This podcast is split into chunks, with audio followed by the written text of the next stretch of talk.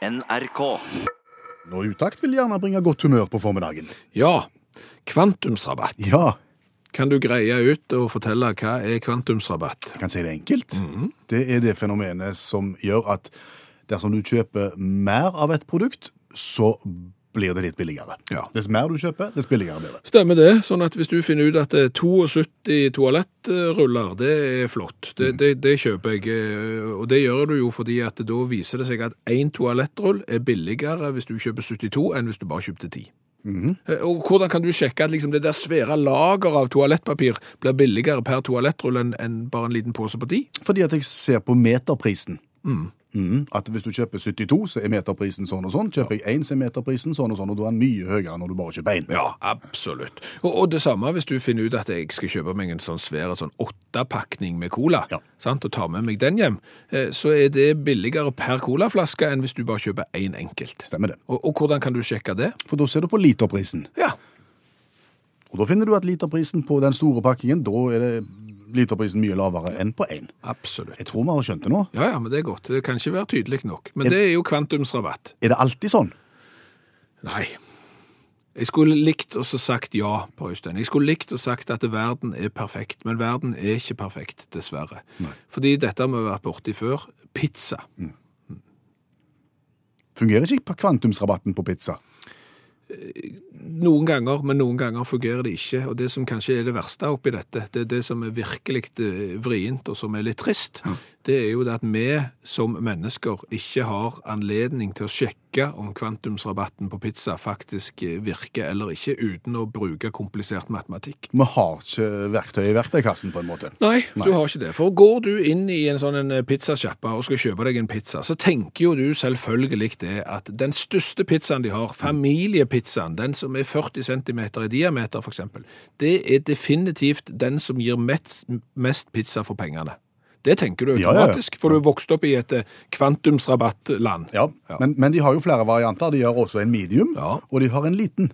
Stemmer det. Mm. Og så viser det seg jo faktisk at når du begynner å regne på dette her, for det du må finne ut er liksom hvilken pizza gir mest pizza for pengene, da finner du ut hvilken pizza koster minst per kvadratmeter. Ja, Da må du regne arealet av pizzaen. Og da står du plutselig der i butikken, og så har du A for areal for sirkel er lik pi ganger radius, og i andre så finner du arealet på Det pizzaen. blir kø bak deg. Ja, det gjør det, sant? Og så ser du at han koster 179 kroner, og så var han, hvor mye var han? Han var 0,1257 kvadratmeter stor. Det blir bare rot, vet du. Sant? Det vi egentlig sier, Mm. At på samme måte som eh, dorullfolket oppgir meterpris, Mm. og brusfolket oppgir literpris, så må pizzafolket oppgi kvadratmeterpris på pizzaen sin, for da kan du si det enkelt. Ja, og vi har jo regnet på dette. Vi har vært eh, inne på menyen til de største pizzakjedene i Norge og sitt. Og det vi har funnet ut, er jo eksempel at en liten pizza kan gi mer pizza for pengene enn en medium pizza, for eksempel. Og går du til en annen kjede, så ser du at en medium pizza gir mer pizza for pengene enn en stor pizza. Så det er, er liksom, er forskjell på pizzakjeder, og det er forskjell innad på pizzatyper. Så dette er jo vrient. Ja, og det er på grunn av at vi har brukt avansert matematikk at vi har funnet det ut. Mm. Hadde de oppgitt kvadratmeterpris under den vanlige prisen, så kunne du sitte med en gang. Ja. Så vi har jo lyst til å starte en folkebevegelse. Ja, vi har jo faktisk tjuvstarta på en folkebevegelse. For det vi gjorde i går, vi var ute og demonstrerte. Foran to av de store pizzakjedene i Norge. Ja. Med banner, Ja. og med plakat, Ja. og med taktfaste rop. Ja. Vi var veldig alene. ja, men det var bare oss to. Ja, det hørtes sånn ut. Ja til kvadratmeterpris på pizza. Ja til kvadratmeterpris på pizza. Ja til kvadratmeterpris på pizza. Ja til kvadratmeterpris Det var veldig ubehagelig. Det er klart det, men sånn er det når du skal være foregangsfolk og gå først og, og trø opp veien, så, så er det ugreit. Folk så rart på oss. De som jobbet på de respektive pizzakjedene, de så jo kanskje enda rarere på oss, for de forsto jo ikke helt eh, problemstillingen. Men det vi nå har gjort, nå har vi starta denne folkebevegelsen. Vi, vi har filma opptoget vårt. Ja. Vi har filma demonstrasjonen vi hadde. Vi skal lage oss en video som skal komme ut på Facebook etter hvert, der vi virkelig kan få løft på dette her. Og, og plutselig så ser de som eier en pizzakjede, politikere, eh, alle vil FN? se Ja, FN, ja. Forrige uke i uh, Utakt så lanserte vi et nytt konkurransekonsept som vi var litt usikre på. Ja, eh, vi var det. Vi følte kanskje at vi bevegte oss på en knivsegg i forhold til hva folk syntes var greit og, og ikke var greit. Så derfor så hadde vi jo en meningsmåling etter første episode av den konkurransen om syns du det var gøy, eller var det ikke? Ja. Et overveldende flertall syntes det var gøy. Ja. Og det ga oss jo inspirasjon. Ja. Kun én meldte tilbake igjen at eh, Vedkommende sa vel noe sånn som at jeg kan se at andre syns det er gøy, Ja. men jeg syns ikke det er gøy, så jeg ber dere slutte. Ja. Men store, store flertall sa ja. Ja. Så, så derfor så prøver vi igjen i dag. ja. Hva er overskriften for, for konkurransekonseptet vårt? Nei, det, det, det, du skal gjette en lyd. Ja, Det er ikke spesielt kontroversielt. Nei, det er jo for så vidt ikke kontroversielt. Du skal gjette en dyrelyd. Ikke spesielt kontroversielt, det heller. Nei, for så vidt ikke, men eh, du skal gjette Det er nemlig sånn at eh, dyr mm. har jo eh, De har jo òg behov. Sine behov. Ja, ja, det, eh, ja da. Og, og det er jo sånn at slekt skal følge slekters gang, Ja. og det går jo ikke av seg sjøl. Kan du ikke bare si det som det er? At Jo. dyr som har samkvem med andre dyr, Ja. i forplantningsøyemed, Ja. de, de lager gøy lyder. Ja. Og det går an å lage en konkurranse der du skal gjette hvilket dyr som har samkvem med et annet dyr av samme rase. Ja, Det er mye bedre at du sier det, fordi at det bestemor mi hører på, så slipper jeg å stå fram med sånn griseprat. Bestemor di er 103 år, skjevla nå, og har hørt det meste. Ok. Men da er det sånn. Nå skal vi spille en lyd av eh, et dyr som har samkvem med et dyr av samme rasse. eh, og så gjetter du hvilket dyr du tror det er. Send en SMS til 1987 og start meldingen med utakt. Eh, ja, så, så, så gjetter du bare. Her er dyret.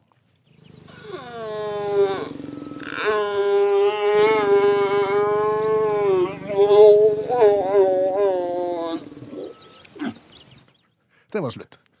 Fort gjort. Var det alt? Det var alt, ja. Klar, ferdig, ferdig? Ja, ja, ja. Okay. ja, ja. Hva syns du det ligner på? Jeg får høre den en gang til.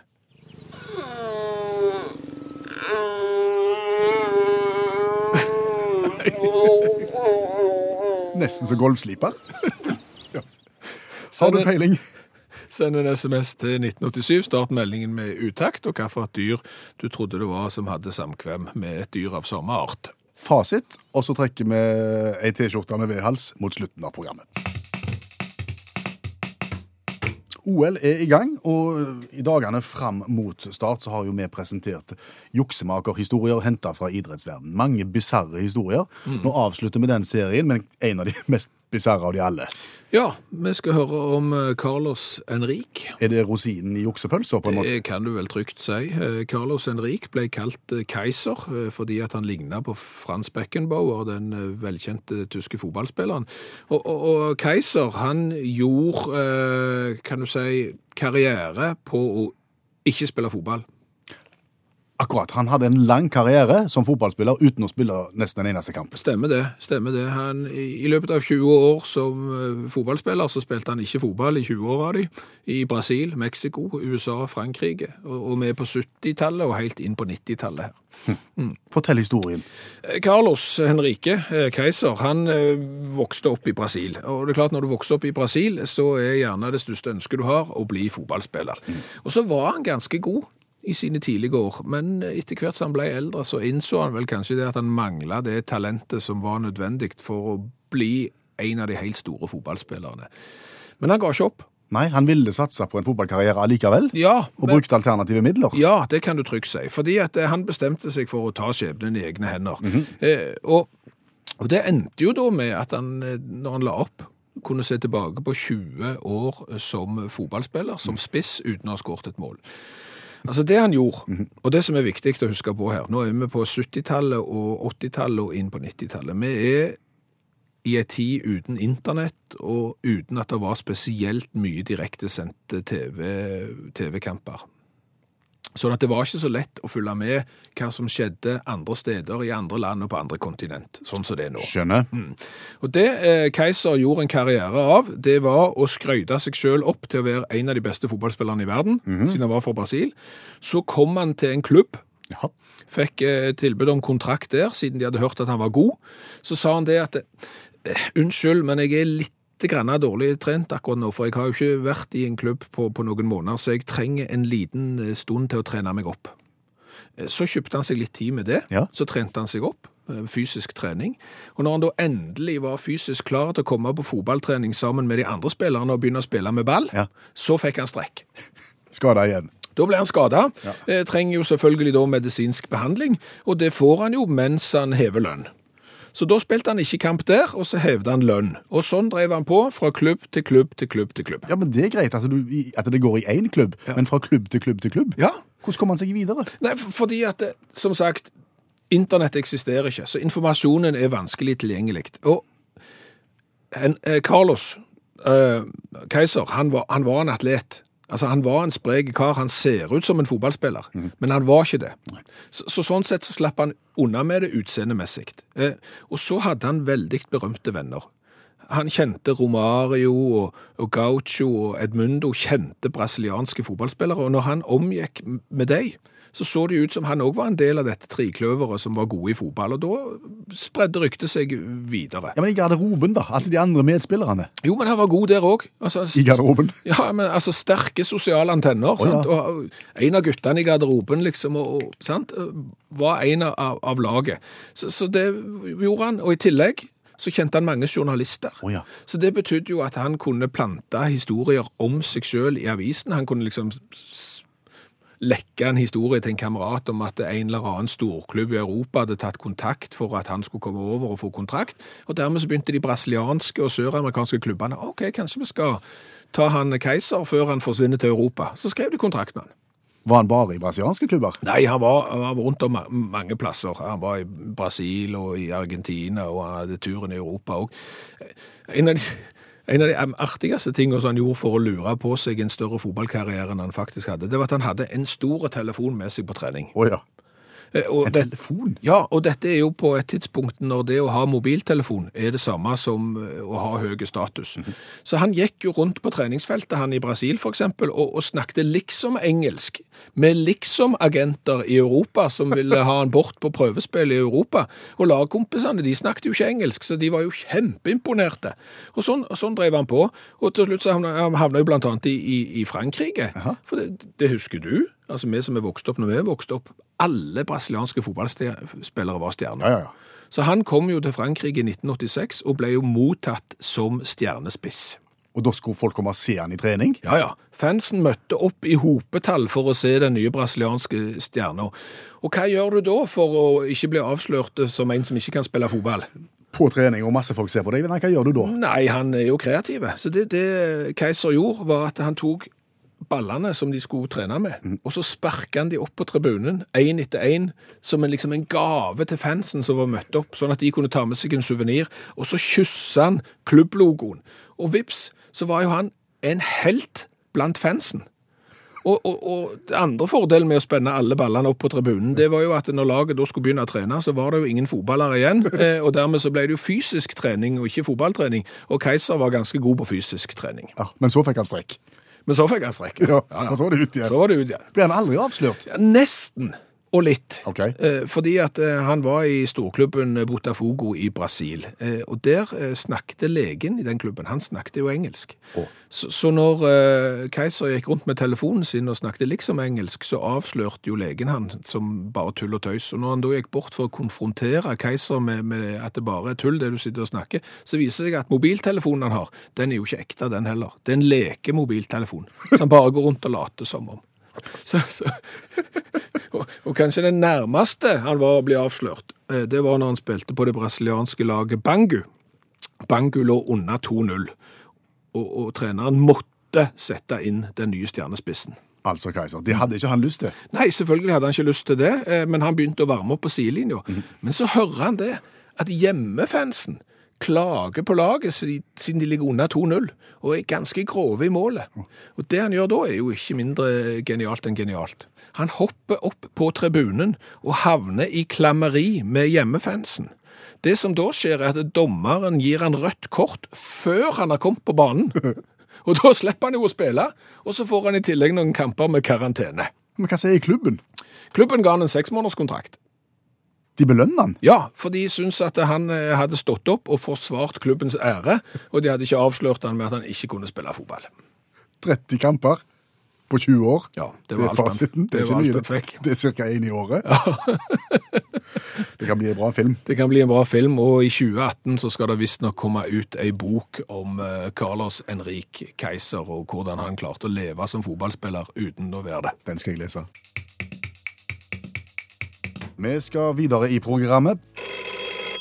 Om en liten stund. Vi skal ta telefonen først. Hallo, ja. Hei! Hei! Er det Smurfen? Om det er smurfen? Ja. Er vi der igjen nå? Hva tenker du? Du setter jo alle på oss, Kvinnesland. En smurf er ikke en smurf, akkurat som en fot er ikke en fot. Nei, det er Stavanger-smurfen som ringer. Ja,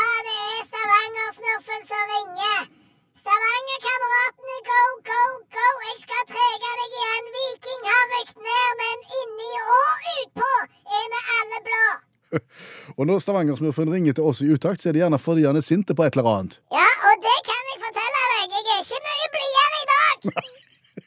Hva, hva er du sinte på? Hva er du sinte på i dag? Den der forbanna OL-komiteen som sitter nede i Sveits og røyker sigarer og drikker champagne og digger seg sjøl. Har de gjort noe galt? Ja, Hva da?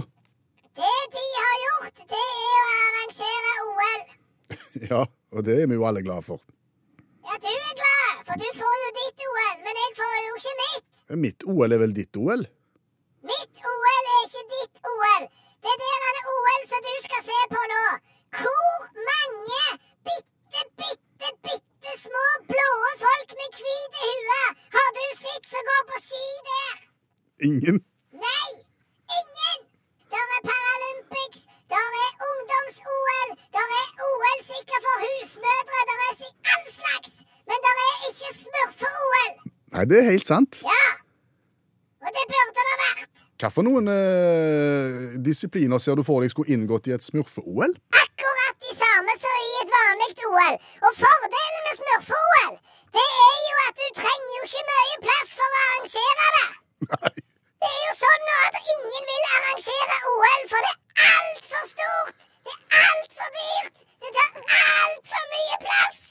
Sant? Ja. Smurfe-OL, det kan du arrangere på en parkeringsplass. Er sant det, for dere er jo ikke så store. Nei, det er akkurat like høye som en appelsin. Hva sa du nå? Vi er akkurat like høye som en appelsin. Okay. Og da kan du tenke deg at hvis vi skal ha hopp stor bakke, så er den store bakken ganske liten. Og hvor billig er den å bygge? Ja, Den er sikkert kjempebillig. Den er kjempebillig. Og det kan jeg fortelle deg. Når alle skal reise til OL, Ja. så får du jo plass til alle i et fly. Hele den norske kontingenten av smurfer får jo plass oppi hattehylla, eksempel. Men, men er det interesse for smurfe-OL utover Norge òg? Altså i hele verden? Er klart det er det. Har, har du kontakter med smurfere på andre kontinenter? Oh yes, bien. Det er helt 100% 100 bombesikkert. Helt klart som Ole Klemetsen ville sagt. Dette er TV-idrett som vil noe.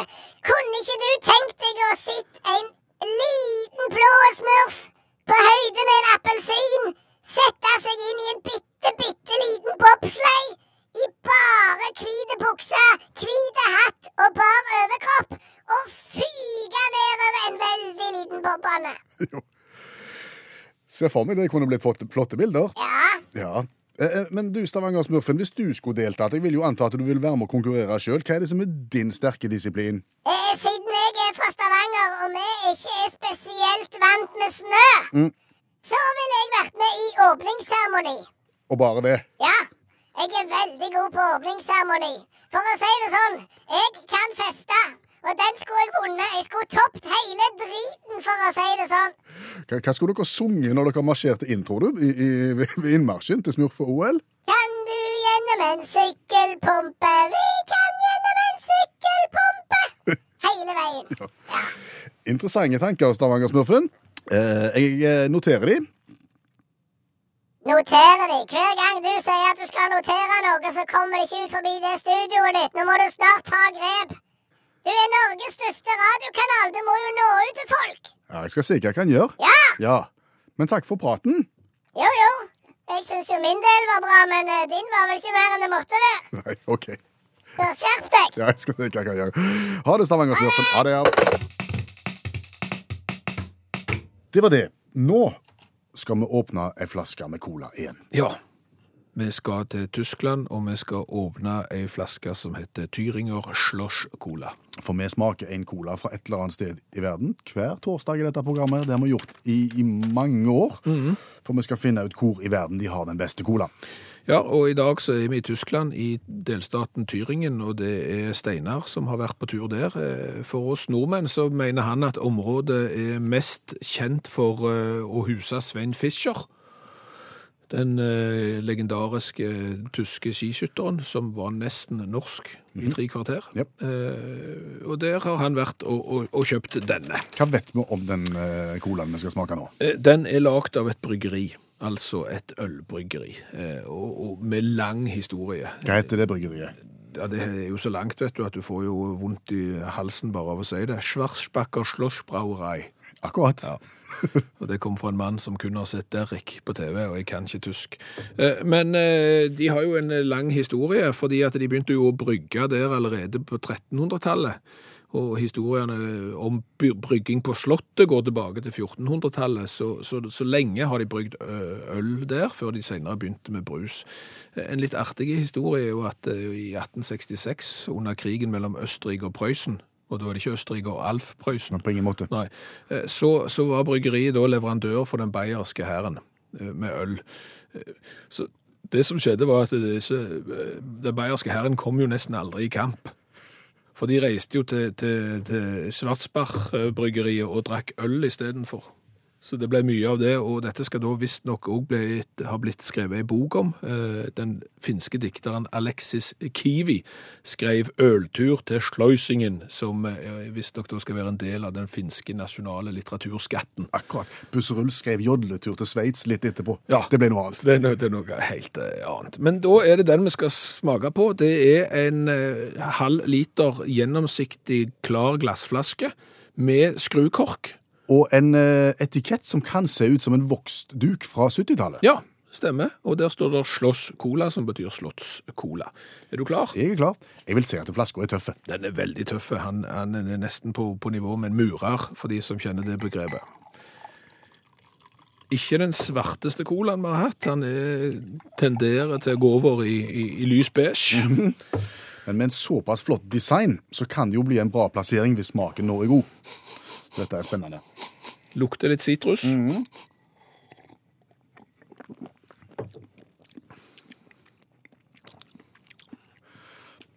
Og smaker litt medisin. Smakte sitrus òg, og så, litt, altså, så var det liksom slutt. Så får du en litt beisk ettersmak. Det var ikke vondt på noe vis. Nei, det, det er helt, Altså, helt på jevna. det er fem. Midt på treet. Kan ikke få mer enn fire i smak. Fire på deg. Hvor tøft er dette? Det er kjempetøft. Kjempetøft, ingen tvil. Ni, Ja, åtte. åtte. Da har vi 17 der, og så har vi 9 der, og det pleier å bli 26 når vi slår det sammen. Og, og det er ikke verst. Fin, fin plassering for sj, sj, Sjø, sjø. Slåssskolen fra Schwarzbacher eh, Schlossbrauerei i, i eh, Tyringen. Austereie.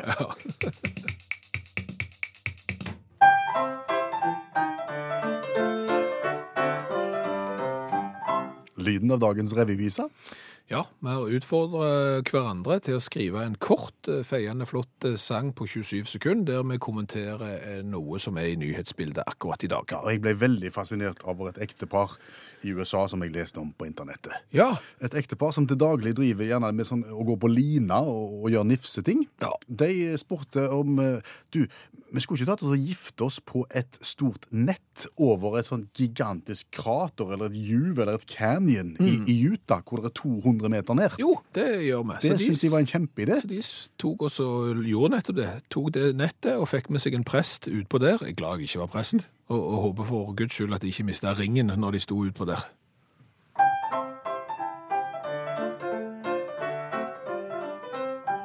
Ryan Jenks og fru Kimbley de hadde en idé. Kan vi gifte oss på krateret i Utah? Er det langt ned til bunn, spurte presten og fikk ja, nesten 200 meter ifra puta. Men det er jo slik at kjærlighet gir vinger, så HMS-ansvaret i bryllupet fremtvinger. Det gikk godt, ingen falt ned, og begge sa ei du, nei heljes, mye barskere jo klinger.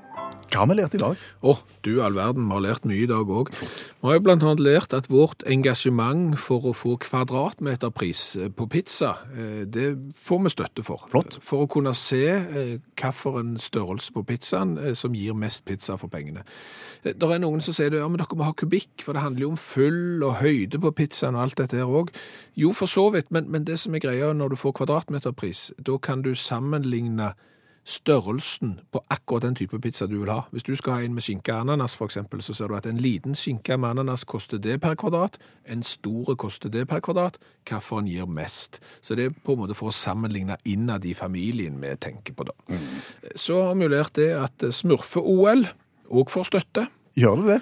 Eh, fordi at Stavanger-smurfen ville jo ha et eget smurfe-OL, siden smurfene er så små, så kan nesten alle arrangere det. Det kan du arrangere på en eh, parkeringsplass, og hopp stor bakke blir jo hopp i veldig liten bakke.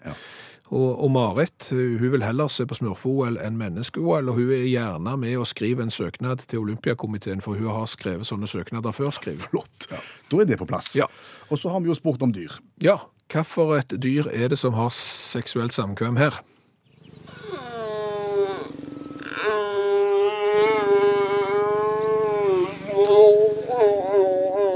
Og forslagene har datt inn bjørn, muldyr, hjort, gnue, sjøløve, eh, Trygve Slagsvold Vedum, eh, hjort, elg og sebra osv. osv.